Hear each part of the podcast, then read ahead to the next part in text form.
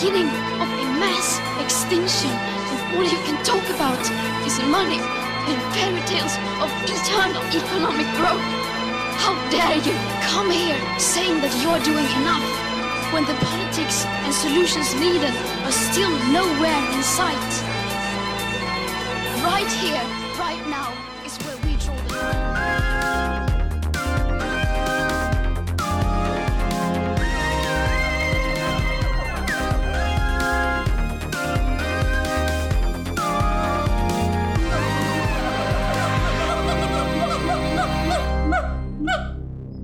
Välkomna till podden Apans anatomi.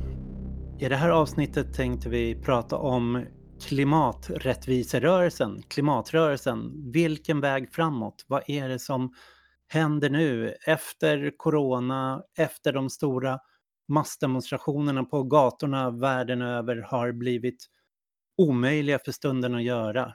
Vad, hur kan klimatrörelsen gå vidare? Och som gäst idag har jag Tadjo Miller. Hej Tadjo! Hej Mattias, det är trevligt att vara äh, Det är schysst att få vara här. Ursäkta, mitt svenska är ju lite sådär rus, rusty. Ja, just det. Och då kanske vi ska börja med, så här, var är du ifrån? Jag, är, jag, jag bor i Berlin, eh, men de senaste 20 år har jag varit mycket involverad i, vad ska man säga, global rättviseaktivism. Jag, så ursprungligen kommer jag från globaliseringskritiska rörelsen. Jag var inblandad i eh, så här, seger, segret över Multilateral Agreement on Investment. Jag var på gatorna i Seattle 99. Sen så träffade jag en svensk tjej och flyttade till, till, till Sverige. Var i Sverige och mobiliserade mot Göteborg 2001. Sen eh, flyttade jag till, till Storbritannien, var i antikrigsrörelse. Och sen 2007 har jag bott i Berlin där så här, hedonistiska bögar ska egentligen bo, bor. Och jag har um, byggt upp uh, antikol och klimaträttviserörelsen både i Tyskland och uh, lite i Europa. Jag, eh, uh, 2014 var jag inblandad i så här, skapelsen av uh, Endegeländer. Det är så- jag är mycket stolt över. Och sen dess förra året har jag försökt bli lite så här mer, säger man, så här, förbindelse intellektuell mellan de olika delar av klimat och klimaträttviserörelsen. Det är nog den positionen som jag tror att jag skulle försöka så här, in, that's the position I'd like to believe I have now. Att så här, jag har tillräckligt mycket erfarenheter för att säga det här har funkat, det har inte funkat och kanske vi kan så här, köra lite på i det vi uppnår politiskt. Mm. Och vi tänkte testa att köra det här samtalet på svenska, men du får ju hoppa mellan svenska och engelska som du vill under samtalet. Ja, tack så mycket, men det är jätteschysst, det är jätteroligt att eh, kunna prata svenska igen. Ja, de de eh, ti- tiderna som jag tillbringade i Sverige, i Sverige, jag uppskattade dem mycket, jag lärde mig mycket och jag träffade otroligt många coola kamrater, including you of course. Jag intervjuade dig för min uh, doktorsavhandling om eh, så här, historien av Stockholms radikala vänster. Så jag kommer Ah. aldrig glömma det. Ja, jag hade glömt bort att jag gjorde den inte. How dare, how dare you bitch! Vad häftigt. Och då när du var med i Stockholm så var du ju aktiv kring globalisering underifrån som jobbade med de här modellen med de vita overallerna som var en form av massolydnadsaktioner under globaliseringsrörelsen. Och massolydnad har ju varit eh, lite den röda tråden i det du har sysslat med. Ja, absolut. Det, det, det var precis så att jag började med studentaktivism i slutet på 90-talet. Och jag trodde att upplevde den som skittråkigt, både så här, politisk och praktisk. Sen så var jag i, i, i Seattle eh, 99 och det var ju så här, min historia på det sättet är samma historia som, eller, eller Historien av globaliseringskritiska rörelsen är också rent personligt sett min historia. Så 1900, eller 90-talet var ju, ja men det var ju för jävligt från en vänsterperspektiv. Det var ju liksom Nirvanas and Rage Against the Machines age. Och sen så upplevelse, rent personligt och kroppsligt, in i kroppen, att en olydnadsaktion av många tusen människor kan stänga ner toppmöte mitt in i the heart of the beast mot så här 10 000 amerikanska snutar och State militia, eh, uh, state, national guard, not militia. The militias are something else again. Uh, state national guard.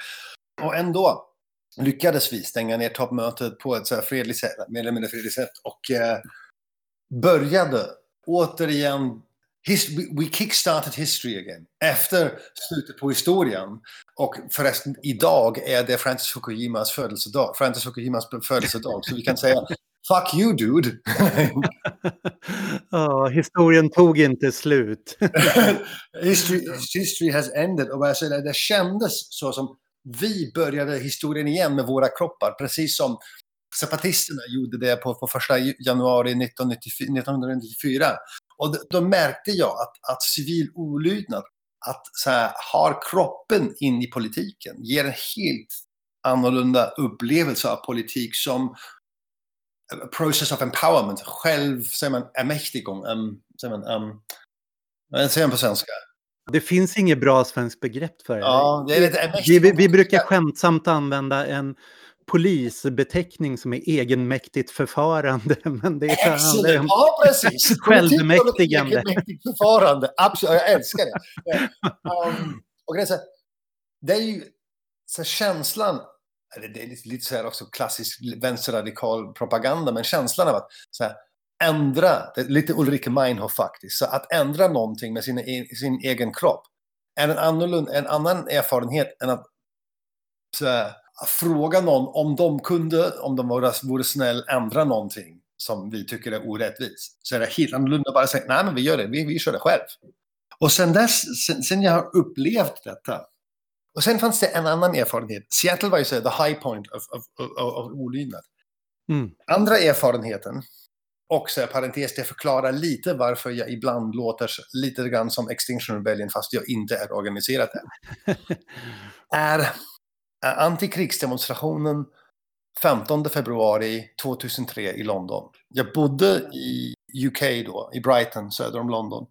Och hade varit inblandad i att bygga upp antikrigsrörelsen där.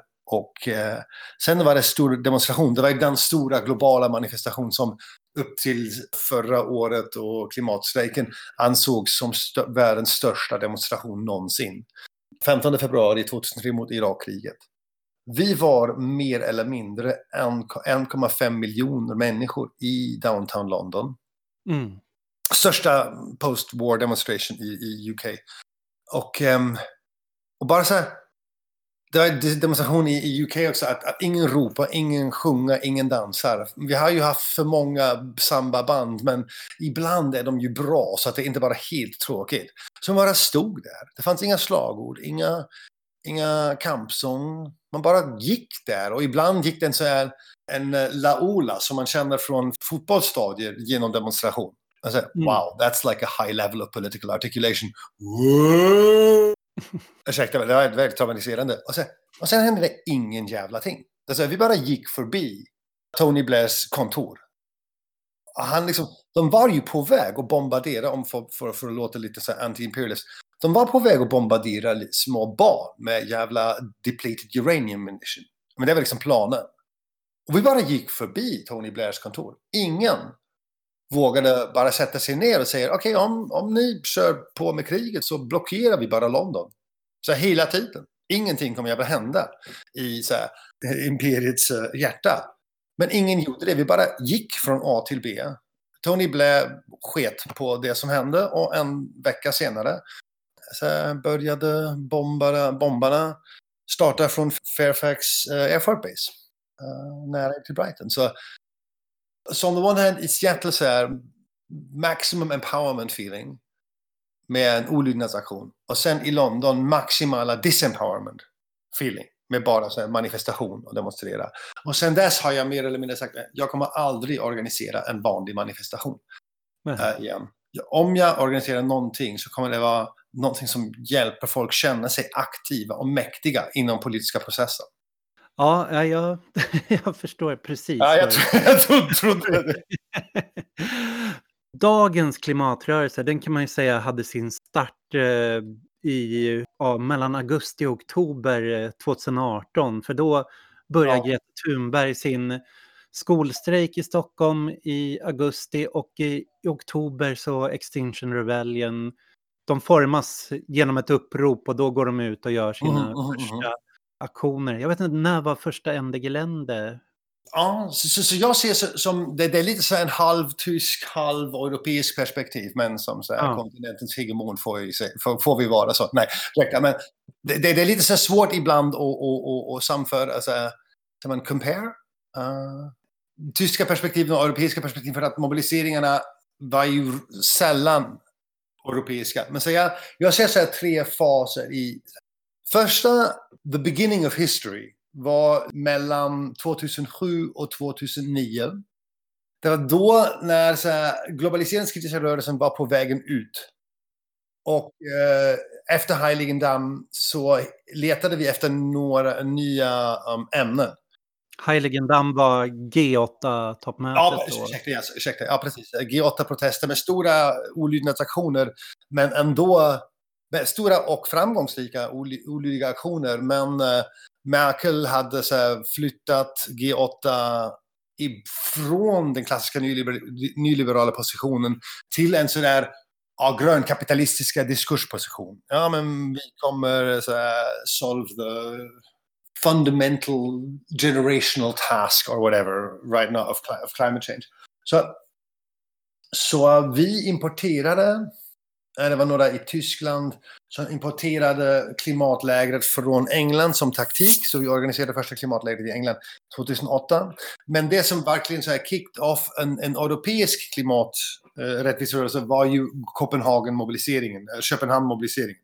2009 hölls det eh, COP15 klimattoppmöte i Köpenhamn och vi mobiliserar många av de gamla globaliseringskritiska nätverk till Köpenhamn. Det var ju värsta disaster, både toppmötet och mobiliseringen och aktionerna. Men efter det så fanns det en sorts, några kader i varje europeiskt land och många i Tyskland som började klimatlägerprocessen. Det som är viktigt nu är att efter Köpenhamn så fattade klimatrörelsen, such as it was, beslutet att inte fokusera på de politiska regulationer kring klimatkrisen.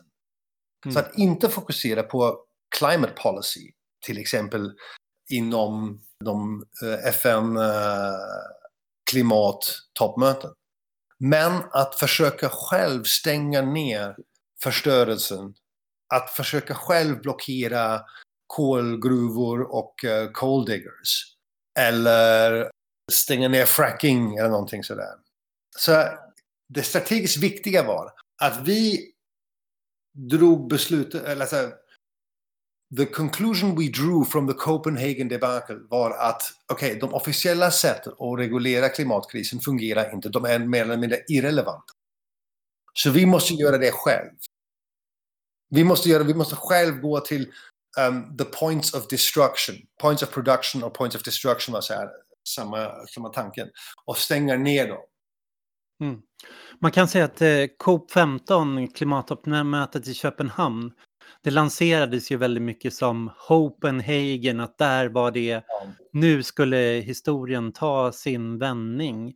Och det var tio år efter Seattle, exakt när det hände. Så att det var ju rätt mycket att kopiera från eh, klimaträttviserörelsen var ju som en reboot av eh, globala rättviserörelsen.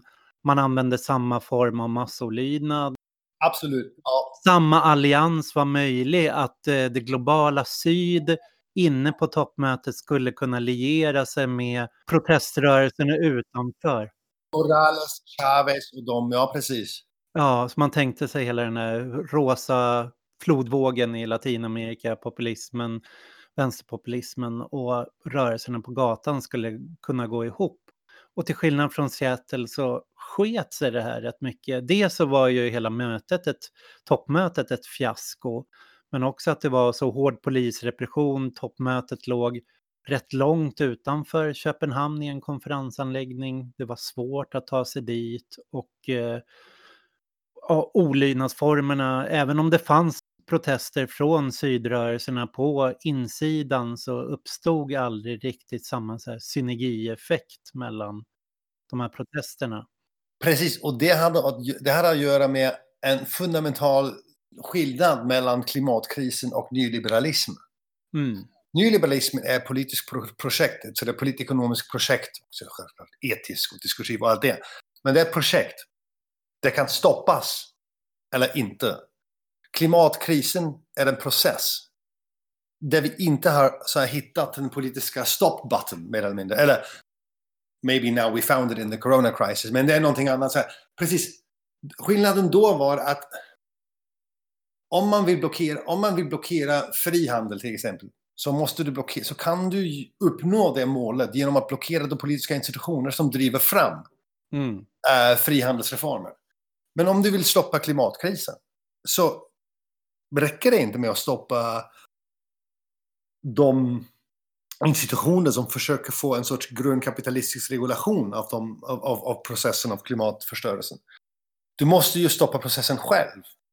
Och um, det, det, det, var därför det var lite så här, jag var ju inblandad i storytelling, i så här, berättelsen kring Köpenhamn och det anser jag som en av mina stora strategiska misstag. Också för att det, det var ju 2000 av våra kamrater som arresterades, hur säger man, preemptively. Jag var en av dem, men, men jag hade i alla fall varit så jag, jag kände mig i alla fall rätt um, co-responsible för att 2000 av våra kamrater bara åkte fast för, ingen, för att göra ingenting.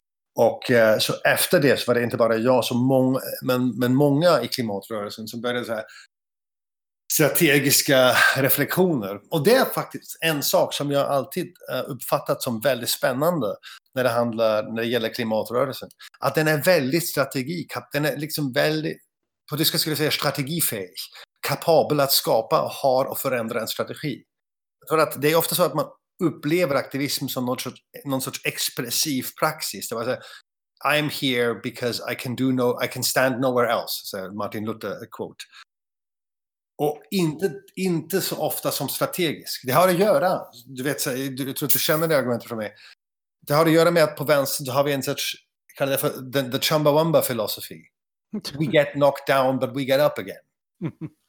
Vilket man kan säga koppla samman med upplysningstankar och eh, marxistisk teologi och allt det. The moral arc of the universe is long but it bends towards justice med Martin Luther King. Med klimatfrågan är ju helt annorlunda. Så det blir värre ju längre tiden går.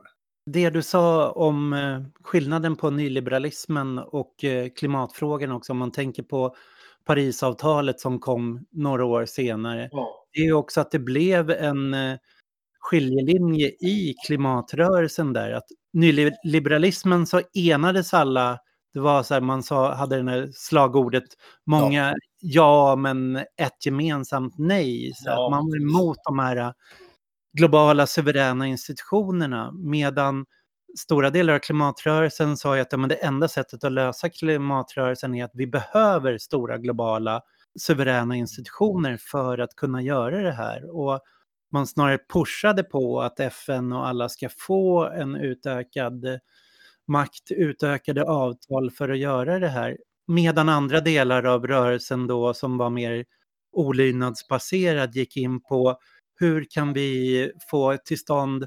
avinvesteringar eller blockader eller eh, stoppa utvinningen av eh, fossil energi, kolbrytning, oljeupptagning, och pipelines, fracking. Man får ju också se att så här, finanskrisen kom där 2008 och efter finanskrisen så blev det också en väldigt stor jakt på resurser. Det skedde ju verkligen en, en gruvboom, en frackingboom, Mm. Fracking blev så det stället där den, den så överflödiga kapital från överackumulationskrisen så bara åkte dit. Den, så här, den pushades dit in i energi och resursextraktion. ja, ja, ja, absolut. Ja, så på, jag kan ju på ett sätt känna att ja, men båda sidor av klimatrörelsen hade rätt där. Att det, vi behövde både någon form av former av reglering och det var där hela Green New Deal kom, att vi måste hitta former att eh, reglera det här i, kombinera en form av social deal, att det inte blir om vi tänker på gula, gula västarna-protesterna i Frankrike ja. till exempel, där klimatåtgärderna som Macron vill genomföra ska ske på bekostnad av man tar, gör som bankkrisen, man rullar över kostnaden på arbetarklassen och så gör man samma med klimatförändringen nu, att det är inte de som tjänar på utsläppen som betalar för det utan att det rullas över på skattebetalarna och då får man istället en folklig protest mot klimatpolitik. Att det måste på något sätt skapas en allians där man säger att ja, men, vi måste få det bättre samtidigt som eh, klimatfrågan måste liksom adresseras. Och där har ju varit också så här, frågan då. Det där, så här, klimatfrågan är väldigt svårt att så här, Speciellt i globala Norden är det väldigt svårt att få en massbaserad strategi kring klimatfrågan igång. Mm. Eftersom det är ju absoluta majoriteten i våra länder som that benefit från global ekonomi som förstör klimatet och skapar klimatorättvisa. Det som jag antar att de flesta har nu fattat det, men det som är viktigt att säga det. Allt det som vi kallar för miljöproblem eller miljökris eller klimatproblem, klimatkris. Alla dessa problem som, jag antar, som vi kallar för miljöproblem, de, säger man, de skadar de fattiga och de svaga och de marginaliserade mycket mer än de starka de som har här, gjort det mesta för att störta klimatkrisen är de som leder minst under klimatkrisens effekter och tvärtom. De som har gjort minst för att förstöra klimatet är de som lider mest under klimatkrisen. Så den analysen kan, kan man anta bara som the global rich versus the global poor. Men de flesta i globala Norden tillhör ju de globala rika, de är ju i global, så här, measured globally, är de flesta som bor i Sverige och i Tyskland är rika. Även om de är relativt fattiga inom våra samhällen här. Det betyder att vem kommer vara basen i en massbaserad klimat och rättvisekamp i globala Norden? Det är svårt för att efter Köpenhamn, för att ta upp tråden igen, efter mm. Köpenhamn mm.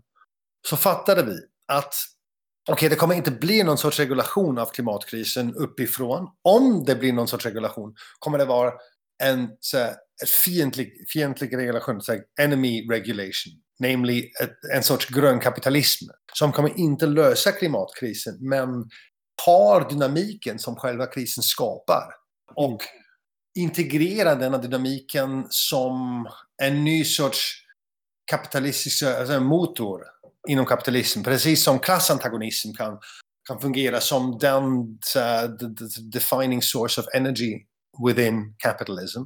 Så kan det också vara så här, antagonism och kriser som uppstår från, uh, utifrån motsättningen mellan kapitalets behov att växa, att uh, växa permanent på en, uh, ja, på engelska är det lättare, capital's need for infinite growth on a finite planet. Och denna eh, motsägelsen, den, den kontradiktion, den, en grön kapitalism försöker integrera den som ny motor av kapitalistisk ackumulation. Men det är kapitalistisk ackumulation, ekonomisk tillväxt, som är faktiskt som skapar själva klimatproblemet.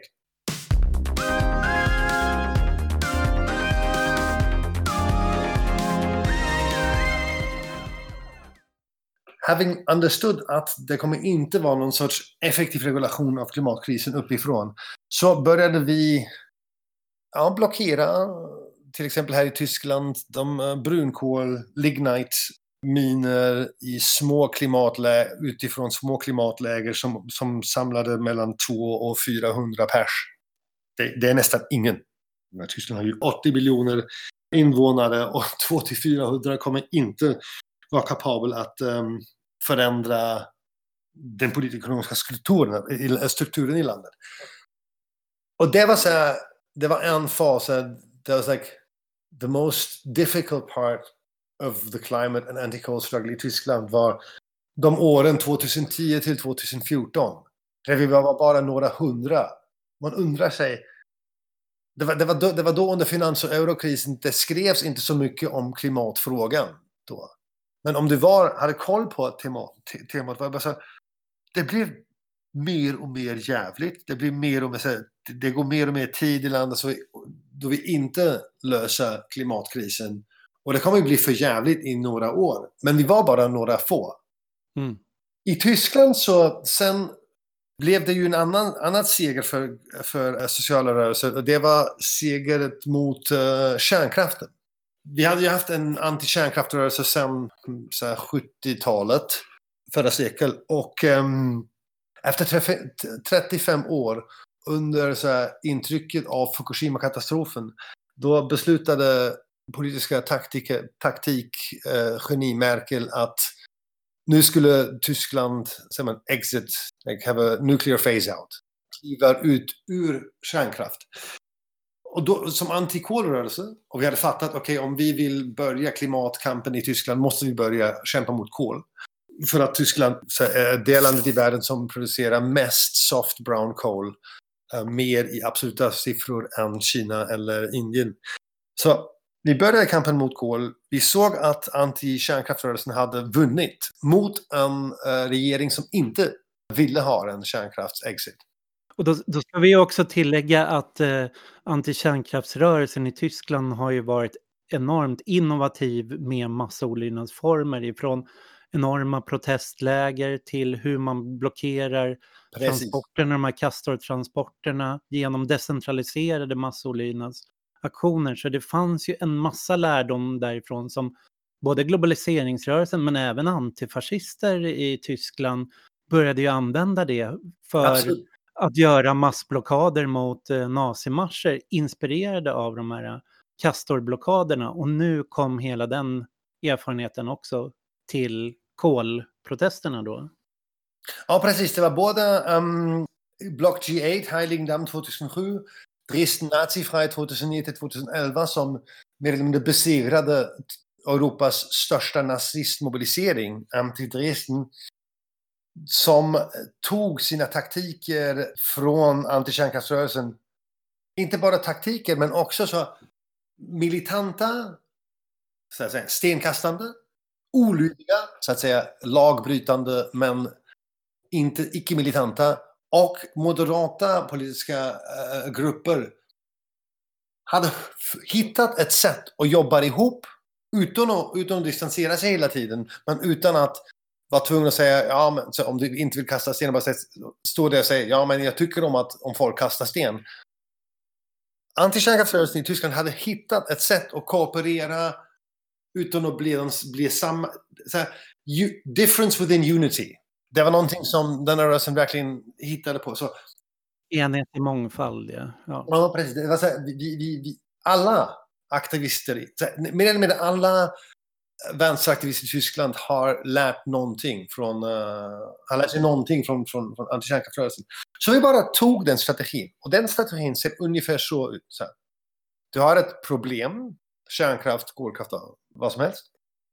Sen organiserar du en så här kader av som är övertygade och aktionskapabla aktivister. Mm. Sen kör man olydiga aktioner i samband med fredliga demonstrationer.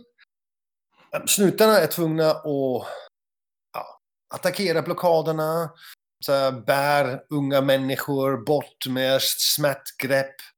Och eh, man bara säger, mm, aktionen skapar behovet för polisen att agera aggressivt.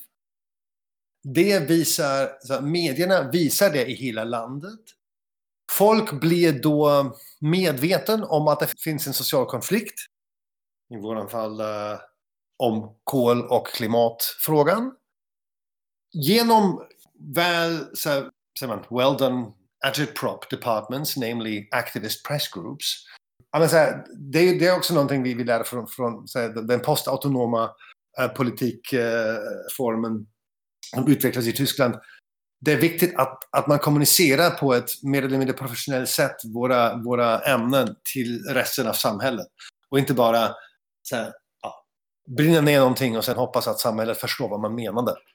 Which is probably a little mean description of autonomous politics. Och jag, jag ber om ursäkt. Uh, men rätt The autonomous comrades who are listening. Nej, men, så att Så det finns konflikten, den blir, den blir mediatiserad och detta rummet utnyttjar vi för att berätta vår historia som är ju den bättre historia. Men det är ju lättare, it's an easier sell to say, att Tyskland ska kanske inte så brinna så jävla mycket dirty coal om vi vill försöka rädda klimatet. Det är, it's a, that's an easy sell.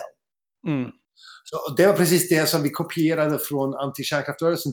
Som då, som i kombinationen med Fukushima, uppnådde ju en situation där regeringen sa att vi kommer, vi kommer, we're gonna exit from nuclear. Och vi försökte kopiera denna strategin. Och det var kontextet inom denna ändliga länder utvecklades som aktionsform och kampanj. Det var 2014 så märkte vi, okej, okay, Paris kommer bli, Paris eh, är det 25, var 25 eh, klimattoppmöte COP21, COP21. Och det var redan klart, det var i sommar 2014, var det redan, 2000, 2014 var det redan klart att det kommer bli ett stort klimatår, 2015. Alla som har communicative power kommer försöka kommunicera om klimatet i detta året. Det kommer bli en ny push för så här, global regulation. Och vi är säkra att den, denna pushen kommer, äh, säger man, fail. Och äh, inte lycka. Och eh, sen så sa vi, vi behöver en stor aktion 2015 där vi använder de kunskapen som vi har lärt oss under så 10, 15, 20 år massiv olydnad i Tyskland för att visa att det finns en annan position innan så här, klimatdebatten än bara inte gör någonting eller gör sådär lite grönkapitalistisk bajs. Mer, ja, så ungefär. Att det finns en radikal position som säger nej, vi måste stänga ner smutsiga industrisektorer som kol och andra. Men vi har först fokuserat på energisektoren. Och så organiserade vi första en aktion i sommar 2015. Det var lite en av de så här underdetermined moments in history. Det skulle jättelätt inte ha funkat. Det, alltså, det fanns tre, fyra situationer där det verkade så att we're not gonna get into the pit. Så tanken var att han så här, väl så, så visible, attractive blockade av en så här kolgruv. Eh, och om ni inte har sett en tysk, eller en så här brun kolgruv, men kolla på, på Google. De, de säger, jag är absolut ingen så här emfatisk ekolog. Jag, faktiskt, jag, jag är bög, I'm, I'm, a, I'm a gay urban leftist bourgeois intellectual. Naturen är så här, ja men den är någon, någon annanstans. Man, man, man, man kanske åker dit på semester i naturen, men så jag, men så jag har ingen, inget emfatiskt naturbegrepp. Men när jag första gången såg en sån här brunkolgruv. Där jag var tvungen att tänka, jävlar, det är, det är verkligen så här ett sår i naturens kropp som vi har slagit här. Så vi, hade, vi, vi, vi visste att här, vi, vi, måste ha så bilder på små människor i sina alltså vita overaller som vi hade delvis kopierat från vita overaller från globaliseringskritiska rörelsen men också från eh, antigenprotester i Tyskland och England och jag tror också Sverige som också använder de White Hazmat Suits. Så, så bilderna av så här, de små vita människor eller vita, vita overaller som kliver runt i den så här månlandskap som en kolgruv är och blockerar de där stora apokalyptiska diggers. Det var precis bilden som vi ville ha. Och det fanns många eh, ögonblick där det kunde ha gått fel. Men till sist så lyckades vi få alla aktionsfingrar, alla aktionsgrupper in i gruvan. Alla diggergruvorna stängdes ner. Och jag känner, jag kommer ihåg verkligen tanken. Så efter några år där klimatkampen hade känt sig som en så här, irrelevant backwater som ingen bryr sig om som aldrig, där man aldrig kan vinna någonting. Var det igen, precis som 1999 så 99 i, i Seattle, var det en sån där ögonblick i mitt liv där jag upplevde makten av olydig aktivism. Det var helt otroligt. Jag var verkligen I was fucking destroyed. Jag hade så här bråkat mycket med min pojkvän. Eller precis faktiskt gjort slut. Det var hemskt. Jag bara jag grät hela tiden innan aktionen. Jag bara så här, om denna aktionen misslyckas så orkar jag inte längre. Jag, jag orkar inte. Jag kommer åter så här, vänder till akademin och bara så här, blir en så här vänsterakademiker som bara skriver böcker om hur skitjävligt så här, livet är. Ja. Not really my style, I know, men bara så jag var, jag var, jag verkligen så här, I was desperate. Jag hade organiserat aktioner i 10-15 år. Som alla misslyckades. Jag hade inte haft en sån Seattle-ögonblick i 15 år. Och jag kommer ihåg momentet, det var så här, så här, vi sprang genom gruvan, snutarna kom in med helikopter, de stod på pickup trucks som tillhörde kolbolaget RVE. Så det var så här, arbetarna och snutar med helikopter mot, dem, mot Vietkong. Liksom. Det kände, Mhm. Vietkong i denna så här para- parallell här. Och, um, så vi sprang och sprang och vi så här, försökte, vi, vi, vi, vi lyckades bryta genom två kedjor som de hade byggt upp. Men sista kedjan som, som snutar och arbetarna gjorde framför diggern kunde vi inte bryta igenom och vi bara så var på väg dit. Och jag kände den så här känslan av, av hopplöshet. Så jag kommer upp igen. Och sen märkte jag plötsligt att vi var ju i själva gruvan. Alla digger var redan stängda.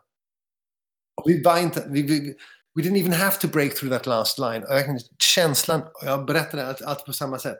Känslan var då, alltså jag, jag tittade upp på så gruvkanten som var 15, 50 meter över oss. Alla diggar var stängda. Och alltså jag började ropa så här, Guys, we can stop. We have won. We have won. Så jag, började, jag började nästan gråta nu. Det var så starkt. Alltså, we have won, we have won. And, och så här, det kändes så som att it, it felt like touching a battery full of pure life. Mm. Alltså, alltså, as I tell it now, I have tears in my eyes. För det var en av de starkaste ögonblicken i mitt hela liv. Och, ehm, ja, och så, då började så här, den första heroiska fasen av klimatrörelsen, skulle jag säga. Som, det var lite mer tysk fas än i, än i många andra länder, men så här, i in like the slipstream av Enderländer, I mean, det, här, det, det blev klimatläger och Enderländer-style-aktioner i, i eh, Tjeckiska republiken, i Polen, folk inspirerades i Storbritannien, i andra länder. Så Mm. Vi hade Stoppa Premraff här som genomförde liknande med femfingertaktiken med Ja, precis. Grupper som flödade runt polisavspärrningarna för Ja. att blockera ett. Och det kändes säkert så att Enderländer reignited that sense av, som vi hade i, i globaliseringskritiska rörelsen. Så en massolydnad kan verkligen förändra saker och ting. Och, och sen så hade vi kampen mot kolkraft i Tyskland.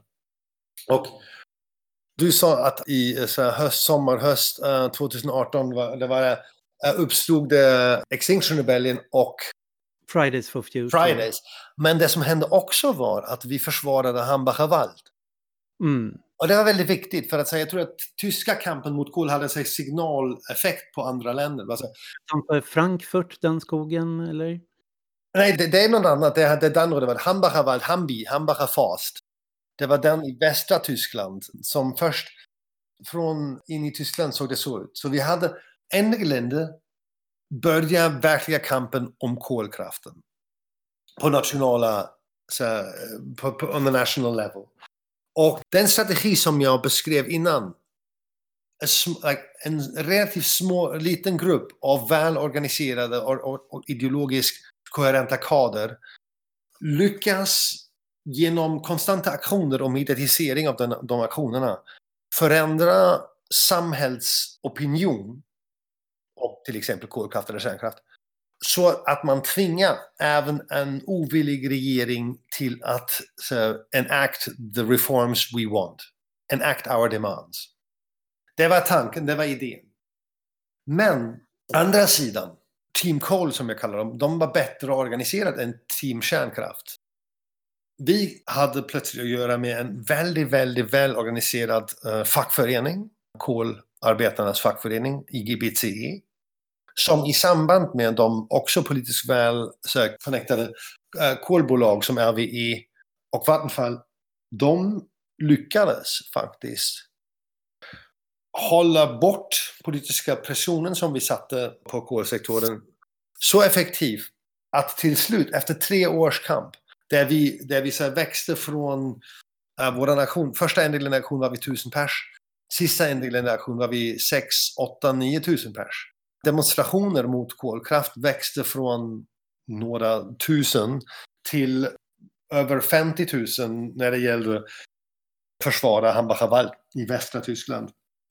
Grejen är så att precis den strategin, den ledde till att vi nu har ett kollag som faktiskt förlänger kols existenstid i tyska ekonomin. Så här, under marknadsprocesser skulle de redan 2030 alltså, här, så här, has been kicked out of the system because it's too expensive. Nu har vi faktiskt uppnått en situation där våra protester ledde till att det blir, kol kommer att stanna in i systemet längre än utan våra protester. Och det är viktigt nu för att då kommer vi till andra heroiska fasen i klimatrörelsen. Den som börjar med Extinction Rebellion, med Fridays for Future och Extinction Rebellion. Och då är det inte längre ute vid liksom brytningsplatserna så att säga Precis. det sker. Det är, inte bara, det, det, är två stora skillnader. Det är inte bara några vänster eller eh, eh, ekoradikala kader som leder kampen. Det är folk som är mycket mer från the middle of society as it likes to imagine itself. Fuck your center by the way. Och protesten går igen, gå bort från the points of destruction igen, mer till politisk regulation. Varför? Och här möter vi också Andreas Malm igen. Jag, jag, kan säga att jag vill inte blockera varenda kolgruv och bilfabrik för resten av mitt liv. Jag tycker om att ha några helg för att knulla runt i Berlin och hänga med mina två killar och eh, ja, bara så här röka på eller göra något annat. Så jag lever inte för att blockera. Jag, jag sa innan att kroppen att använda kroppen för politik i olydiga aktioner är väldigt stark, en väldigt stark erfarenhet. Men min kropp är inte bara där för att stoppa nazister. Eller stoppa cold diggers. Min kropp är också där för att äta, för att sova, för att knullas, för att röka på, för att... För allt det. Så här, min kropp är där för att leva. Och livet, även om man är vänsterradikal, kan inte bara bestå utav, utav kamp. Det är ju... You go completely nuts. Och det, det, det är sådana människor som bara kämpar hela tiden. Som till slut kan inte, kan inte säga vad skillnaden är mellan en revolution och constant social warfare. Yeah. Sorry, that was a mild disagreement with the Brighton anarchists. I just re... I just took up again 12, 20 years later. Um, romantiseringen av social krig är någonting som jag tycker är väldigt konstigt mellan, in, inom radikala vänstern. Alltså, no, det, är, det är inget roligt. Så här, chopping off head isn't something I want to do for the rest of my life as an entertainment. And uh, generally speaking, I would avoid chopping off heads, but um, that's just my personal position. Now, alltså tillbaka till Right, I don't want to spend all my life blockera, alltså, i blockader och olika reaktioner. Grejen är så, men klimatkrisen förorsakas av varenda bilfabrik, varenda kolgruv, varenda powerplant i hela jävla världen. Och då kommer vi tillbaka till statsfrågan. So, to sound a little conceptual again. Om jag inte antar att först vi kommer... Om, om det är varken möjligt att blockera varenda kolgruv, bilfabrik etc. etc. Med, med våra egna kroppar hela tiden. Mm. Eller att få regeringarna att så driver fram ja, lag som, som, som åtminstone mer eller mindre omsätter våra, våra krav. Måste vi fundera på en strategi som tvingar regeringen att göra det vi vill även om de, de inte vill eller även på något sätt kan göra det för att det finns så många politiska och ekonomiska motståndare på andra sidan. Och där kommer vi lite grann till två grejer som, som, kommer, som vi lär oss från Fridays for Future och Extinction Rebellion. Det som vi lär från Fridays for Future är att aktören som kan säger att vi kommer ha en massbas till klimaträttvisekampen i globala norden är den unga generationen. Mm. För att de flesta av oss, alltså, materiella intressen konstrueras relativt. Det såg man till exempel i eurokrisen. Varför var de flesta tyska arbetarna, varför, varför stod de flesta tyska arbetarna bakom Merkel och sin så här, schwäbische Hausfrau monetaristisk gals galenskap. Mm. För att de, att de jämför sin momentana situation inte med en, någon möjligt kommunistisk framtid. Eller åtminstone icke-monetaristisk framtid. Men man konstruerar sin materiella intressen genom jämförelse med andra nu annanstans. Man jämför sig med tyska arbetare, jämför inte... Jag tar det här på engelska. Basically, German workers don't compare their current lot to a potential future lot under neoliberal, uh, under green Keynesianism or even communism. But they compare their current lot to the lot of workers in Greece right now. Mm. Så folk i norra Europa kommer jämföra sin situation inte med en som what would my life be like in a perfect degrowth situation? Like what would my life be like if I lived in Ghana or on a Greek island or somewhere else? Man brukar kalla det för att det finns en rädsla för att falla. Inte att man har kanske fått det sämre utan att man Precis. vet att det är, det är faktiskt en reell möjlighet att försämringen precis. kommer. Och det är precis därför att det blir stat status quo försvaras utifrån denna perspektiv. Så Fridays for Future är ju bara så den politiserade avantgarde av en hel generation. Och det kommer bli lite så här, det, det är en stor berättelse. Men till exempel man kan förstå 68 siffror för så här, hela globala motståndsrörelsen. Inte som bara en moment i så här, kapitalistisk transformation från, från fordism till nyliberalism och postfordism. Men också som en, en moment där så här, around the whole world en ny generation uppstod, stod upp. Som hade inte så här, som hade, som hade well, the boomers essentially. Som, som, som efter stora kriget. Den hade helt an, andra krav, subjektivitet och allt det än den äldre generationen. Och just nu om vi tittar runt i världen så kan vi se att de flesta progressiva kamp är ledda av den unga generationen. Chile, Hongkong, Polen, eh, Nigeria. I, I could go on. Fridays for Future sa till resten av samhället, hej, eh, this is now also framed through my climate justice lens, men säger, okej, okay, klimatkrisen Förstöra inte bara någon annans framtid någon annanstans, men den förstör era, den förstör era barns framtid här i Europa. Så är barnens, den unga generationens intresse, intressen relativt med våran, de, de äldres intressen, är att stänga ner den destruktionsmaskinen mycket snabbare än, det, än vi vill ha det. Så plötsligt såg vi en aktör som kan bli så här, som kan organisera massor bakom sig. Största klimatdemonstration i Tyskland var 15 000 pers som försvarade Hambacher Wald 2018. Ett år senare var vi 1,4 miljoner i hela landet på, på 20 september 2019. Från 50 000 pers inom ett år till 1.4 miljoner. Det är helt otroligt.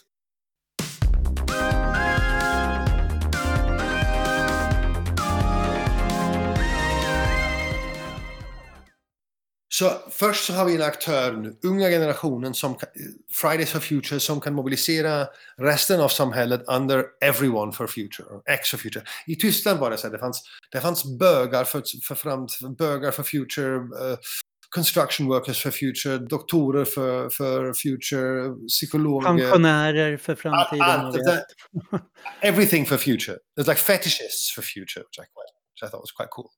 Sex workers for future, som of my favorites. Like, alla var där för framtiden. Framtiden, för mig, liksom den nya socialismen. Det är bara så, den nya, the new frame, the new empty or floating signifier. Där vi kan projicera alla våra, våra tankar. För att vi kommer ihåg hur länge har folk som du och jag sagt, äh, citerat easier to imagine the end of the world than to imagine the end of capitalism. Vi har sagt det i många... I den här podden har det sagts i bra många avsnitt också. Ja, precis. Dagen där jag gick till första Fridays aktion, som var i samband med Ennegelände. Jag gick där med min make och vi var, vi var båda... Han hade fått sparken, jag hade, hade precis blivit så här traumatiserad på, på, på jobbet. Och eh, vi hade fått föreslag från kolkommissionen med Coal Phase Out 2038 så att vi hade så här, blivit informerade av våra total, så, of, of our complete and utter defeat. Så vi gick till första Fridays-aktionen. Du vet, så här, om man, om man så här, känner sig... If you know your way around movements, you know when it's a moment that matters. When you encounter a new energy. Eh, jag vet att du vet vad jag menar. Ja. Och jag, vi gick där, och så från första, från första ögonblicket var jag bara så... Holy shit, vem är de? Vem är de? Vem är, vem är, vem är dessa ungar som skiter i vad man, hur man vanligtvis gör? Hur man vanligtvis förhåller sig till polisen, hur man gör gatublockader. De gjorde bara. De var så här, en, en, en källa av så här, hopp i framtiden. En sorts vrede som var ändå roligt och glad. Inte den där oproduktiva, frustrerade vrede som vi känner som gamla kommunister. Det var så, oh shit, failed again, fuck that shit. Men sen så vill det säga, ah men ni är ju för jävligt, men ni är så jävla coola att ni är, inte kommer ha någon chans mot oss. Jag, Mm. jag var, jag säger, wow, jag var verkligen hög. Jag är så här, lite så här knarkafin som eh, du vet. Men så här, och jag jämför också så, ofta så här fest och sex och, och politik och aktion. Och det var en av de dagarna där jag, så gick där och det var verkligen så här wow, jag har sällan varit så inspirerad. Det var ungarna som gav mig tillbaka så litande att det finns någon sorts framtid som är inte bara pure jävla helvete. Och, eh, och då måste jag säga, jag kommer alltid vara så tacksam för dem, för det ögonblicket. För att speciellt om man är klimataktivist som jag har varit nu i 12-13 år. Det är så jävla hårt Ja. och hålla sig så peppad. För att det är nästan omöjligt att så se en sorts empirisk, så halv, halvvägs realistisk chans att undvika så klimatkrisen, så catastrophic climate change. Men ändå, man måste hitta källor av inspiration och hopp. Och för mig, den unga generationens protester var verkligen så like a shot in the arm, to use an inappropriate drug metaphor when talking about kids. För att hoppa lite till, eh, du gjorde ju den här ranten på Twitter. Vi har översatt den och den ligger på brand, kommer ligga på brand. Och då ser du ju då Ende Gelände har en sak att bidra med. Fridays for Future har just den här eh, aktören, generationen som kommer här, som har Ja. gått ut en massa på gatorna. Och där får du också in Extinction Rebellion som en tredje beståndsdel. Grejen är så, vi har haft de största demonstrationerna någonsin i Tyskland för klimatet. Och rent praktiskt och materiellt har vi inte sett någonting. Vi har inga framgång överhuvudtaget. Det är bara så att tyska exportmodellen bara kör och kör och kör. Ingenting förändrar sig. Det betyder att Fridays strategi att demonstrera, att genom stora demonstrationer få regeringarna att ändra sin politik har inte funkat. Mm. Det funkar inte. Jag har inte haft några empirisk, measurable, mätbara resultat. Mm. Ja, det, Greta Thunberg gjorde ju tal för ett tag sedan där hon själv konstaterade det, att det, Ja, alla politiker har sagt det är jätteviktigt att lyssna på dig, det är jätteviktigt att lyssna på forskarna, men ingen har ändrat sig. ja precis. Jag, jag tror det är för att det finns en sorts negativt sammanhang. Ju mer man pratar om hur coola Fridays är, desto mindre klimatpolitik kör man. Och det betyder att vi, har, vi måste ställa en fråga nu. Hur får en rörelse, ett samhälle representerat av regeringen och andra mäktiga grupper, hur tvingar man ett samhälle som har sagt nej, vi kan inte riktigt reagera på era krav fast vi tror att de är riktiga och viktiga. Hur tvingar man en sån samhälle att göra det som det måste göras? Nu kan man ju också säga att det måste göras, ja, men hur då Tadji, det är ju demokrati och så. Men först är det så att vi har demokratiska majoriteter bakom tanken att man måste ha mer klimatskydd. Och sen är det så att om man pratar på ett från metodologiskt globalistiskt perspektiv så är det ju inte demokratiskt. Vem som, om alla som beträffas av tysk kolpolitik kunde rösta på tysk kolpolitik så kan jag säkert säga att Tyskland skulle inte ha några kolgruv kvar.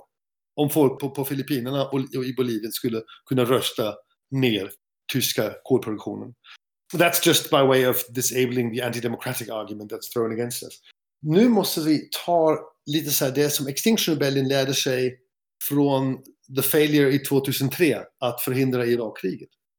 De sa, och jag är inte med Extinction Rebellion och jag, är säker, jag vet att Roger Hallam är en så här as som har gjort här, mycket fel.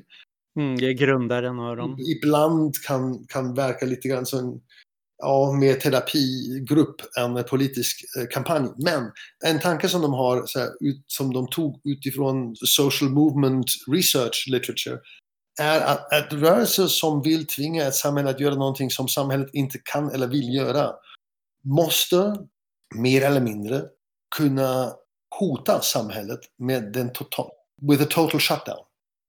Vi ser det till exempel från säg, andra hälften 60-talet, 1960-talet i USA. fanns ju stora så kallade rasprotester, race riots. De hade inga så speciella krav. Men det var de kravallerna som tvingade den vita majoritetssamhället att kolla in i så kallade rasproblem, att analysera situationer i urban ghettos och, och börja med de första welfare programs in inner cities. Okay. Både i litteraturen och i in the collective history of movements kan vi se att nu är vi på en punkt där vi som rörelse måste kunna hota den andra sidan. Om ni inte gör som vi vill, då stänger vi ner allting. För att stänga ner allting, som man gjorde till exempel i corona-lockdown, det var det första som hade så rejäla, mätbara, så measurable, jag vet inte om jag använder rätta ordet med mätbara, rejäla effekt som kunde mätas inom klimatsystemet. Corona lockdown stängd, reducerade klimatemissioner på ett sätt som ingen sort av klimatpolitik har någonsin lyckats med. Och det måste vi hota. Till exempel om eh, e EU-kommissionen eller EU-parlamentet röstar igenom eh, CAP-reformen som är från ett klimatperspektiv total skit. Komplett eh, helt idiotisk nyliberal skit. Eller produktivistisk skit, inte bara nyliberal. Så då måste vi kunna hota med att okej, okay, now then we shut down Brussels, Paris, London, well, inte längre London, never mind, Brexit. Paris, Paris, Bryssel, Berlin och Madrid. Bara för att, för att visa till samhället, om ni inte gör som vi vill, då kan vi, we can hurt you as a society. Det låter hemskt. Men från ett globalt perspektiv har vi ett jävla ansvarighet att försöka stänga ner den destruktionsmaskinen. De destruktionsmaskinerna som är våra ekonomier. Och det kan bara the Fridays for Future Subject, Everyone for Future, göra med strategin som föreslås av Extinction Rebellion som är low level, low entry point, massblockader i storstäder eller kring storstäder. För att vår samhällsbas lever mest i stora städer. Och sen använder sig av de taktiker, så här, flöder genom polislinjer så som, som länder pionerade, så är subjekten av kampen är Fridays for Future leading everyone for future. Strategin är impose costs, liksom tvingar kostnader tvingar samhälle, samhällena här, jag, jag, kan inte ta det på svenska, impose the costs not acting on our societies by way of large scale blockades. Om jag pratar large scale, då menar jag inte några tusen eller kanske tiotusen. Jag pratar om hundratusen människor i varje land som så här, stänger ner hela landet. Och sen taktik, subjektet, Fridays for Future och Everyone for Future, strategin massblockader i innerstäder och taktiker, femfingertaktik och det som Endegelände uh, eh, har visat världen. Det är det som det måste, vi måste göra nu. Och det är därför att det är ibland lite frustrerande när verkligen så smarta eh, kamrater som Luisa Neubauer i Tyskland, jag vet att det är folk som inte anser henne som kamrat, men jag känner henne. Jag tycker... hon är Fridays for Futures talesperson i Tyskland. Ja, precis. Hon är, hon är lite såhär Greta 2.0, where, where, where Greta was a prophet of doom Louisa is more of a political strategist. Men hon är också väldigt moderat som person och strateg. Så hon säger, ja men det är ju för jävligt att EU-kommissionen eller EU-parlamentet röstade för cap-reform. Min fråga är, okej, okay, de har röstat genom en dålig cap-reform. Hur svarar vi? Vad är våran svar? Vi kan inte anta att våra politiska system kommer att driva igenom klimaträttvis politik. Det vore en helt orealistiskt antagande. That's a silly assumption. Det har inte hänt än. Och det skulle också vara väldigt silly att anta att den nästa lite större demonstration, det kommer inte bli större på grund av corona, kommer förändra regeringarnas position där. Och nu kan vi fråga varför tittar vi på regeringarna och inte bara på enda företag? Where we come back to Malms and mine ecological vanguardism and Leninism. Just nu är staten som åtminstone potentiellt kan vara den ideella the ideal general capitalist. Staten som fungerar som, eftersom enda kapitaler och, eller kapitalfraktioner kan inte ha hela samhällsintresset i, sig i tanken för att de måste driva igenom sina profit och vinststrategier. Det är bara staten som kan ta samhälls, även om det är bara the general capitalist interest, inte bara general, inte general societal interest. It's still a more stabilizing thought than just driving through the interests of one capital fraction. Det är bara staten, och det har vi sett i corona-lockdown, staterna kan besluta och pressa paus på kapitalismen. Inte fullständigt, men surprisingly wide-reaching. Men corona-lockdownen gav oss på ett sätt svaret som jag skrev min doktorsavhandling om för 13 år sedan. Where do we press stop on capitalism? Where is the fucking Winter Palace? Vinterpalasten som var liksom symbolet för bolsjevikiska revolutionen för att där bodde Romanovs. Man stormade den och sen choppade man av deras huvud och sen bam, revolution. Det, är lite, det var lite svårare med hela inbördeskriget och de vita och så. Men du vet vad jag menar. Vad är punkten som vi kan bara ockupera, överta för att stänga ner helvetesmaskinen? Och the corona lockdown visade att det finns en sorts punkt. Och den ligger inom staternas och regeringarnas action range. They can press the button.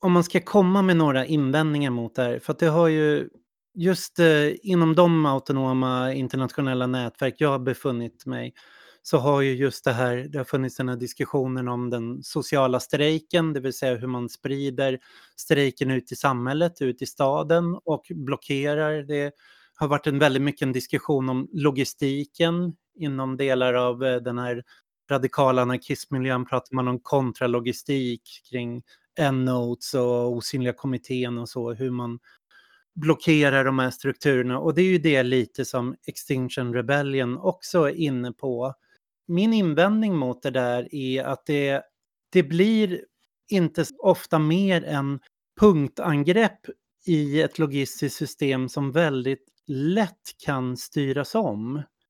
Att jag tänker när vi var till exempel nere senast i Hamburg mot, eh, det var G7-mötet väl där 2018. Ja. Så genomfördes en blockad av hamnen i Hamburg, som är en av norra Europas största hamnar.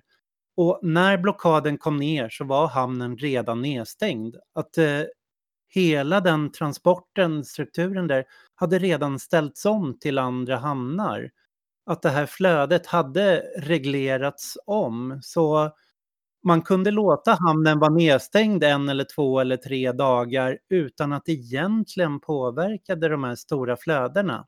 Men det var en blockad som hade varit så här annonserad i, i så många månader i en superhög polisstad. Hamburg denna, de dagarna var ju ja, pigged out som as fuck, eh, som eh, engelskarna skulle säga. Um, men om vi antar till exempel, okej, okay, tar Sverige, vadå, vi har mm. tre stora städer, Göteborg, Malmö, Stockholm. Uh, jag antar att det har blivit lite, några snutar till sen Göteborg, så det är kanske inte 3000, kanske 4000 snutar nu. Ja, så man måste lämna tusen in i varenda, så, några så, kring, in, in the villages. Så du har, du har tusen snutar i Stockholm, tusen snutar i Malmö, tusen snutar i Göteborg. Och sen är det 10-15 tusen människor i varenda stat som försöker stänga ner saker och ting. Now generalize that across the continent. Det är hela poängen med att inte säga det är tusen, 5000 eller 10 000 aktivister som blockerar. Men att, att vi är 10 till 100 000, det är hela poängen. Ja, I, I 20 protester, det var bara de vänsterradikala kader som vi känner, som vi har känt i många år. Men det som Fridays, så här, the promise of everyone for future, är att det blir några hundratusen personer på varenda blockad. Och det som jag märkte, också i Hamburg var det så att det blev, så här, vi, får, vi fick massa stryk av snutarna. It wasn't fun at all. jo då. Men det som jag stod först... Ja, ja, ja, ja, jag vet vad du menar. Men så här... Okej, let- let's, let's just for the sake of legal... eh. Ja. Stop this line of inquiry. No, men um, det som säger en sak som jag märkte också, jag, jag berättade om första Fridays-aktionen jag såg här i Tyskland. En sak som jag märkte är att snutarna hade ingen aning hur att ta hand om dem. De var inte de vanliga kaoter som de, så här, det är ju kategorin som icke-nazistiska snutar tänker nazister och vänsterradikala i samma kategori kaoter. De unga människor, de sen skolkids, de var inte de vanliga vänsterradikala kaoter. Snutarna visste inte, kan vi liksom slå dem? Får vi slå dem? Får vi problem om vi slår dem? Och det är också en sak. Vi som radikala vänster, åtminstone i Västeuropas samhällen, vi växte upp som we were society's other. Vet du vad jag menar? Vi var alltid de som sa ja men jävla samhället är rasistiskt och, och sexistiskt och, och global orättvis och allt det. Så vi var samhällets själva negation. Så självklart är det, är det svårt för folk inom samhället som är kritiska av samhället men inte så fundamentalt kritiska än vi är. Det är svårt.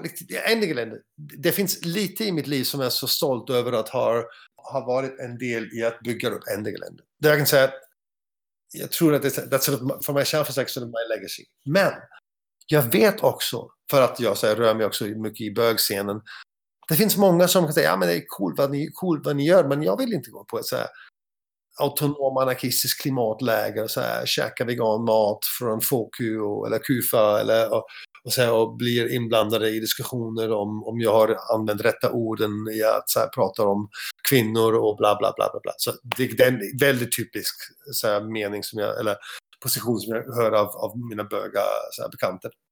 Ja. Och av Svensson i gemen. Ja, ja precis. Och ehm, resten av samhället kommer inte bli vänsterradikala, by definition. Så i Tyskland är vi aldrig mer än 10 000 personer när det gäller radikala vänstern. Men vi behöver många flera. Och det är precis därför att jag menar att det måste vara Fridays for Future som kallar fram stora blockader. Inte ändliga länder med Fridays support. Det måste vara Fridays själv. Det måste vara everyone blockading for future. Och det subjektet, det kommer vara svårt att slå ner från gatorna. Men nu är det ju också, Ende Gelände är uppbyggt av en rörelse underifrån. Extinction Rebellion är också en sån här organisation du kan gå med i, du kan gå på träningar i aktioner, du kan vara med och påverka vad man ska göra något. Men Fridays for Future är ju inte riktigt en sån rörelse heller. Att I vår historik om klimatrörelsen här så har vi ju utlämnat vissa bitar och det är till exempel det här 350.org som har haft Ja. de här fossilfri-kampanjerna som har snarare byggt på engagera folk i riktade kampanjer för avinvestering, deinvestering av fossilindustri. Man har riktat in sig på universiteten, samlar folk där som har gjort de här kampanjerna. Om man tittar på hur Fridays for Future är uppbyggda så är ju de mer baserade på en sån kampanj som 350.org än Extinction Rebellion och Ende Gelände. Att det, du går inte med på det sättet, du kan inte bli medlem, du kan inte riktigt demokratiskt vara med och bestämma. Men däremot tittar man på Fridays for Futures hemsida så är det ju väldigt öppet för deltagande i och med här är en karta, här är aktionskittet, det här kan du göra. Formen är väldigt enkel, gör en strejk eller demonstration på en fredag.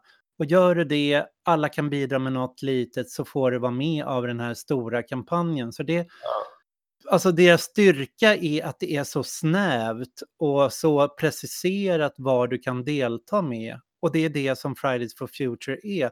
Och det har liksom hypat upp vissa personer då som Greta Thunberg till att liksom bli superstars kring det här Men hon kommer nog inte vända det skeppet och säga att men, Fridays for Future ska gå till ett håll. Och det finns inte heller den demokratiska strukturen i att vända det här, utan då är det snarare generationen vi pratar om, generation Greta, att få dem att från Fridays for Future gå till någonting annat. Det är precis det jag menar, så att, att Fridays som det är just nu, det är liksom första gången den nya generation som våran vän eh, och kamrat Keir Milburn kallar för Generation Left. Mm. Han skrev ett jättebra bok om det. Analys analysen är så här att, ja, jag tar det på engelska just to make it faster. Generations are created by events. Mm. Till exempel så om du växte upp efter, om så, if you hit the labor market after the 2008 financial crisis, you're going to earn a lot less money than if you hit the labor market before. Full stop. Så både ekonomiska perspektiv och idéer, tanke, ideologi av en generation är skapad genom evenemang i Badiou sense. Nu har vi en generation som är in, så här, influenced av events som är mycket mer som, alltså, som pushar generationen åt vänster. Både klimatkrisen och finanskrisen, events som har mer eller mindre så här lett till att folk är lite mer vänsterinriktade än innan. Så den här generationen, den börjar bara organisera sig. Fridays förändrar sig hela tiden. Fridays var första gången den här generationen organiserade som en generation. Och det är intressant, i Tyskland är Fridays väldigt så här, splittrad. Olika åldersgrupper, basisgrupper i olika städer har helt olika politiska positioner. Berlin, Köln, Frankfurt, de är väldigt vänster. Stuttgart, München, eh, Hamburg, de är väldigt konservativa. Men en sak som de är alla överens med är att de har en position som är liksom organisationsideologi är, är det lite grann så här, lita inte på de vuxna. That sounds a little bit like 1970s. Och det är också det, för att det var också en nationell rörelse. De organiserar sig precis nu i varenda stad i Tyskland finns det så här, inom Fridays-grupper finns det lite kamp mellan de vänstermänniskor och de moderata människor. Men det är processen av de som politiserar sig också. Och så subjektifierar sig på politisk plan.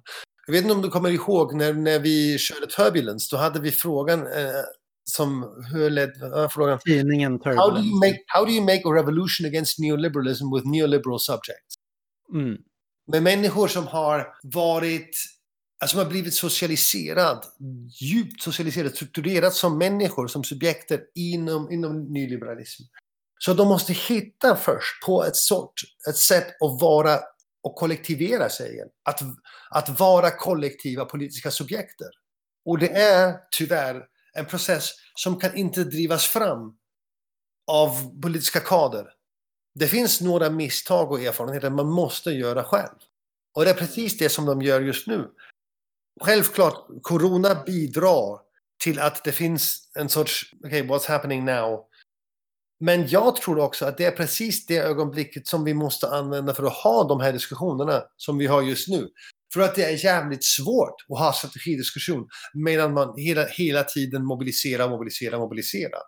Ja, jag, jag är inte riktigt lika positiv där, för jag ser ju den här ja, vi kallar det väl lite generation Greta i Sverige. Ja. Att eh, Fridays for Future fick ut dem på gatorna, skapade intresset. Men att det också sen lyckades både med coronan och sina egna begränsningar lägga lite locket på där. Att den här generationen, vi har inte riktigt sett dem än gå ut och ta några fler steg från det här. Att eh, man gick ut på gatorna, och sen gick man tillbaks till skolan. Och om det mm. här leder till en bredare generationspolitisering. Vi får se. Jag kan bara berätta snabbt om så här, diskussionen i Sverige just nu när det gäller klimatfrågan. Bara för också problematisera din... För det första så har vi ju liksom inom socialdemokratin nu. Socialdemokraterna är ju... De faller ju sönder precis som i många europeiska länder. Ja. Och då har vi två falanger som kämpar om så här, hur de ska rädda socialdemokratin. Och det ena är de som är mer, man kan säga lite Corbyn-liknande. De kallas mm. Reformisterna, deras organisation. De har lanserat nu en Green New Deal-plan. Att de säger vi måste satsa på välfärd. Det är den frågan de driver. Men den här välfärden måste vara klimatkopplad och skapa gröna jobb. Och den andra falangen, de är kring tidningen Tiden de ser mer en dansk socialdemokratisk modell, att man ska kombinera stänga ner migrationen, stängda gräns, hårdare brottspolitik, men kombinerat med gröna satsningar. Nej, den, den vänster, så säga, grön vänsternationalism. Ja. Ja, en grön vänsternationalism. Så att båda de falangerna, det som enar dem är den här klimatfrågan, men sen har de väldigt olika sätt hur de ser de ska tackla den här konservativa vågen, om det är satsningar på välfärd eller satsningar på en mer repressiv politik för att triangulera tillbaks väljarna. Så där, där har vi Socialdemokraterna. Och sen har vi inom, vad ska man säga, vänstern, Vänsterpartiet, eh, deras tidning Flamman, men även det finns en svensk vänsterpodcast, Stormens utveckling, som görs från Aftonbladet. Eh, Okay. som också har drivit mycket klimatfrågan, Ola Söderholm där. Och deras inlägg har ju varit nu att nu gäller inte, alltså Greta, vi måste lämna Greta, vi måste gå vidare för Greta. Det går inte att klimatrörelsen är grön längre, den måste bli röd. Och det är att det, vi måste få till, nu har Greta sagt att vi måste lyssna på politikerna, vi måste inse att det är klimatnödläge, att katastrofen är här. Men i det här läget så måste vi komma med en plan. Vi måste komma med en investeringsplan, produktionsplan, hur vi ska ställa. Och där kommer då det här liksom Andreas Malmska gröna leninismen in. Så här, och då blir det antingen som Andreas Malm som ser att vi får höja aktionsnivån precis som du förespråkar eller koncentrera den mer mot eh, pipelines, mot han vill ju multiplicera MD-gelände snarare än att ta in det till städerna. Utan att det ska öka mot sådana sajter. Medan den andra diskussionen är mer att säga, men precis som eh, globaliseringsrörelsen eller krisprotesterna hade en rörelsefas och en partifas. Och nu har det snarare pendeln svängt till partifasen. Nu är det partipolitikens, det är politikens uppgifter. Greta tog oss så långt vi kunde komma. Nu, nu kan inte de gröna ta oss längre. Nu måste de röda ta oss längre med konkreta politiska förslag. Och där är deras då klimatleninism eller ekoleninism. Det är stora centrerad eh, krigskommunism, stora satsningar som behövs göras centraliserat och där finns inte behov av mobilisering längre. Där finns inte behov av rörelser. Det behövs inte den här leverage från att man ska tvinga in eh, staten i en viss riktning utan det är snarare politiken som ska ta vid nu. Att eh, rörelsen kan inte komma längre och de har inte upp, kunnat leverera resultat. Att här ska politiken komma in. Så, att, så att där står vi lite nu. Jag tror att det är, så här, tanken är fel på två sätt. Så det första är att um, i allt det du berättade just nu står det, står det kvar en idé att det kan finnas någon sorts grön tillväxt.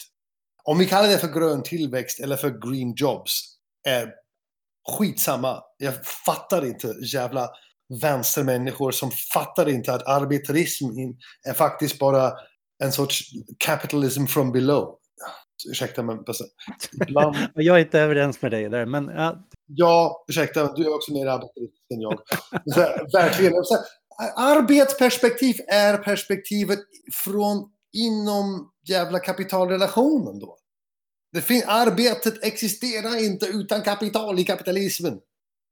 Ja, ja, men... ja, kanske nästa debatt. I alla fall. Så det finns, om du säger grön tillväxt eller gröna jobb, det är precis samma skit. Jag, jag tror att jag är mer degrowth än du är. Ja. På det sättet. Jag är mer Bastani helautomatisk. Ja, precis. Ja, Falk, Falk my ass. Ja. Falk är uh, fully automated luxury communism. Så bara så att, uh, för att beskriva en helt knäpp idé uh, kort.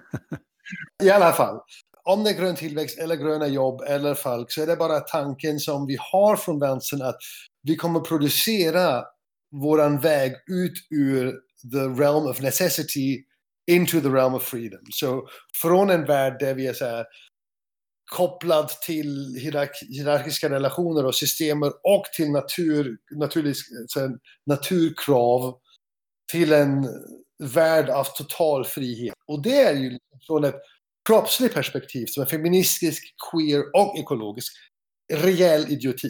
Det var så att tanken att vi kommer leva i en not naturally sort of confined future is male idiocy.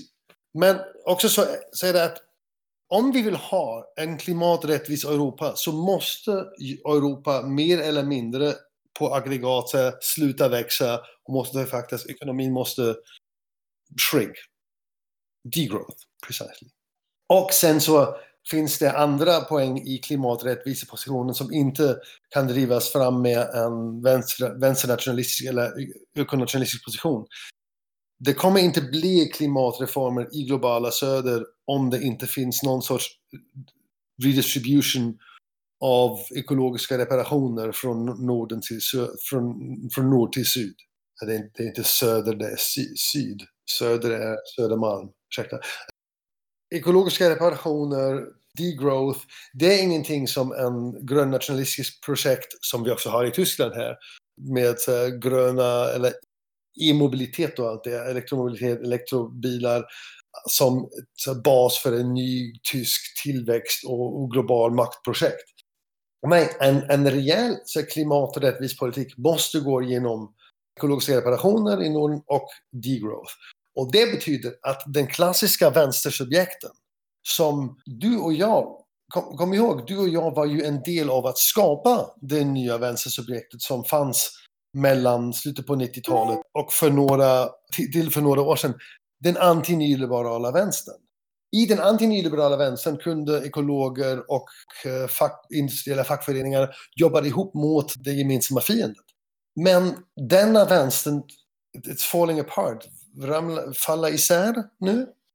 För att det finns ingen objektiv position där klimaträttvisekampen och industriarbetarna i Tyskland kan mötas. Den finns inte längre. Vi kan ju säga just transition eller konversion eller någonting, men vi måste stänga ner de smutsiga stora industrier i Europa. Om resten av världen ska producera någonting så att säga, lyfter sig ut ur materiell fattigdom, då måste vi stänga ner våra industrier. Och det betyder att vi kommer att kämpa mot de industriella fackföreningarna. Här. Det är ett faktum. Och jag vet det för att på det sättet, när det gäller klimatkampen, så är det lite så här, det som Marx skrev om varför tyskar skulle läsa sin bok som handlar så mycket om England, första bandet Kapital. Det till fabula narrator, the story is about you. Och eh, så här, vi har drivit fram klimatkampen i Tyskland bara lite längre än i andra länder i Europa. Men så här, frontställningen, kampen mellan eh, klimataktivister och fackföreningarna, industriella fackföreningarna. Det ser vi redan, det kommer vi se i USA. I Storbritannien har vi sett det inom Corbyn-projektet, fanns det lite så här bråk. Så jag tror att gamla vänstern 2.0 är över. Vi måste besluta, vi måste fatta beslut nu. Kör vi en mer vänsternationalistisk strategi, vilken är ingen ekologisk strategi men bara så left imperialism.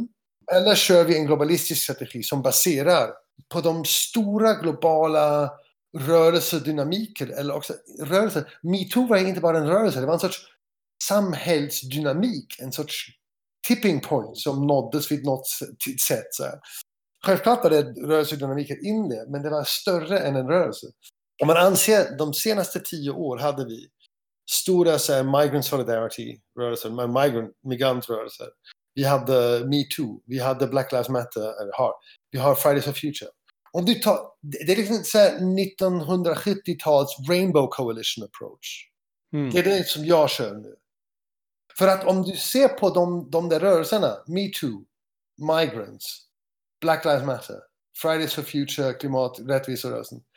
Alla dessa rörelserna handlar om att limitera vita rika mannets greppet på världen, på våra kroppar, på queera kroppar, på, och trans, eh, transagendan har jag, har jag glömt det.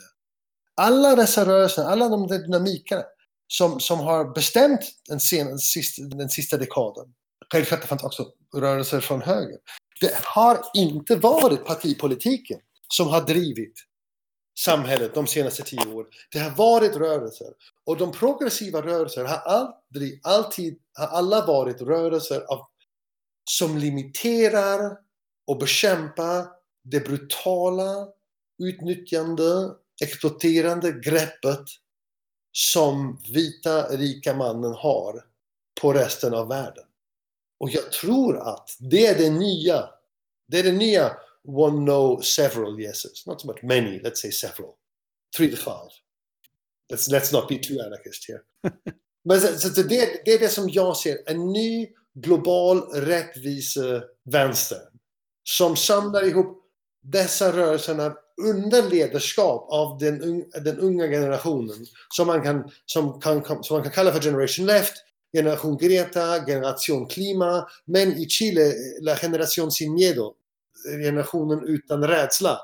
För att de kommer inte ihåg hur sina föräldrar kastade ut, kastades ut ur Pinochets helikopter och sånt. Det är vänstern som jag ser i framtiden. Det är vänstern som jag vill kämpa för. Inte en vänster som tror att kan så gömmer sig bakom Fortress Europa och eh, bara så här, kör på med lite välfärdsstat. För att nu för tiden är det inte socialism, it's socialism in the world or barbarism in one country. Ja, men vi har pratat länge och det är kanske ett bra ställe att avsluta. Ja, jag har fortfarande massor med invändningar, men vi får kanske fortsätta de här diskussionerna på olika sätt. Eh, för jag gillar din vision där, men jag tror fortfarande att vi kan inte ställa oss utanför produktionen. Vi kan inte tänka bortom att vi behöver samla majoriteter. Vi behöver få ja, en majoritet med på tåget när det gäller de här projekten. Och jag tror också kapitalismen, de står inför klimatförändringen vare sig de vill eller inte. Vare sig vi protesterar eller inte så kommer de, om vi protesterar kommer de tvingas ta itu med det tidigare. Om vi inte protesterar så kommer de ställas inför faktum senare, men de kommer vara tvungna att agera i det här och det jag fruktar är hur de agerar för att lösa klimatproblemen. Att finns vi inte inom de där diskussionerna, både politiskt och vad gäller den tekniska utvecklingen så, så kommer det här vändas emot oss. Att det, mm. kommer bli, det kommer bli mer auktoritärt, kostnaderna kommer rullas på oss. Vi kommer få folkliga motreaktioner som snarare går åt höger och konservatism och blir antiklimatrörelser. Så att jag tror att vi, vi måste finnas någonstans tänka liksom hur kan vi få klimatomställningen att också ge oss bättre liv och be, ge oss bättre former av arbete, bättre former av teknik och det ja, vi har ingen val där liksom, än att stå ja, där. Men, men, men kanske det kör vi nästa diskussion. Vad är, var händer antikapitalism just nu? Och mm. var, var och hur kan vi stoppa eller säger man, sakta ner kapitalistiska alltså, förstörelsemaskinen. Men jag, jag, tackar i alla fall för det, det, det vi hade, den diskussionen som vi hade idag. För, uh... Tack, det blir nog det längsta avsnittet jag har gjort hittills. Okay. Ja, men det är lite, it takes a little longer for me to say things in Swedish. Men så, tack för chansen att, att prata svenska och uh, chansen att prata med dig. Always, always a very valuable experience. Ja. Um, Stora kram! Hej!